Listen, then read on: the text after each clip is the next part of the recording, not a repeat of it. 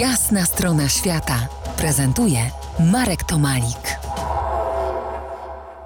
Wracamy do rozmowy o muzycznej wyprawie Piotra Damasiewicza do Nepalu. Piotrze, wybacz pospolitość mojego pytania.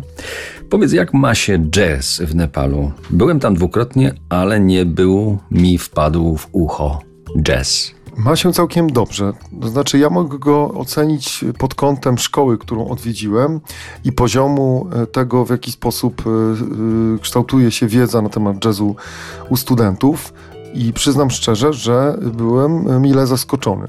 Wykładowcami są ludzie spoza, w większości spoza Katmandu, bo ten taki poziom, powiedzmy, ten, ten, ten imperatyw jazzowy, który oczywiście jest muzyka jazzowa, która się, się głównie kojarzy z kulturą zachodu, teraz się rozszerza i, i ten język się całkiem teraz poszerza i, i, i, nabiera nowych kierunków. Tak tutaj też wi widzę, że ta młodzież jest bardzo otwarta, ale też bardzo pracowita, szalenie zdolna i widzę, że ten postęp w edukacji zachodzi bardzo szybko.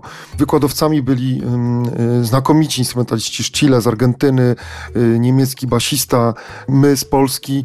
Także ten poziom naprawdę jest wysoki. W tych oczywiście elementarnych klasach te starsze klasy to już, to już jest taki poziom, powiedzmy, profesjonalny i y, dostęp do materiałów, sposób nauczania jest, jest na najwyższym poziomie, także wydaje mi się, że rośnie pokolenie bardzo dobrych muzyków, którzy będą władać różnymi językami, w tym y, jazzowym. Kathmandu Jazz Conservatory, to chyba o tym tutaj tak. mówisz do nas.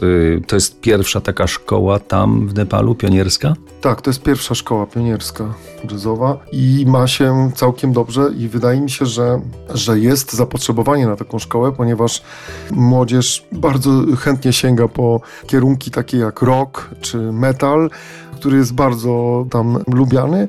No i muzyka jazzowa jest swojego rodzaju językiem dla młodzieży teraz, szczególnie językiem wolności to im się kojarzy właśnie jeszcze z taką kulturą zachodu, która się kojarzyła z, z kulturą wolności. Tak to jest postrzegane jeszcze i tak jak u nas jazz był językiem wolności, teraz ten język trochę przeszedł in, w inną formę, w innego rodzaju ujęcie kulturowe u nas, ale był i tak samo u nich, bo tam też przecież niedawno ta demokracja jakoś zaczęła funkcjonować. Poza tym ta muzyka etniczna, którą my jesteśmy teraz tu zafascynowani tak bardzo, jako, jako taki powiew właśnie, yy, głębszy powiew jakby tego, w co możemy się zagłębić duchowo, tak u nich często muzyka tradycyjna kojarzy się z czymś bardzo takim yy, ograniczonym, co, co należało do rodziców i tak dalej. Natomiast muzyka jazzowa im się kojarzy z wolnością. I... Za kilkanaście minut wrócimy do muzycznego Nepalu. Zostańcie z nami. To jest jasna strona świata w RMS Classic.